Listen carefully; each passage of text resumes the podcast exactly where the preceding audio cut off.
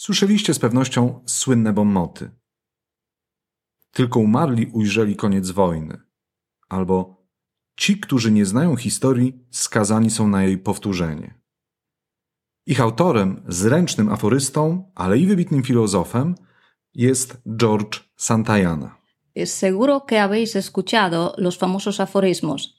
Solo los muertos han visto el final de la guerra o los que no conocen su historia están condenados a repetirla.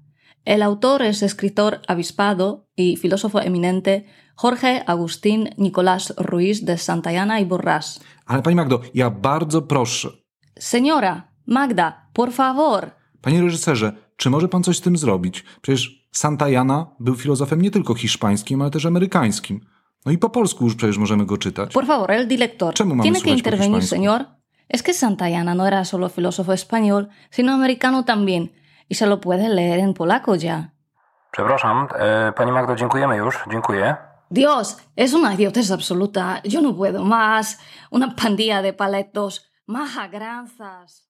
W najbliższym odcinku Pogawędnika Filozoficznego zapraszamy na rozmowę z panią dr Katarzyną Kremplewską, autorką monografii poświęconej George'owi Jorge Jerzemu Santajanie.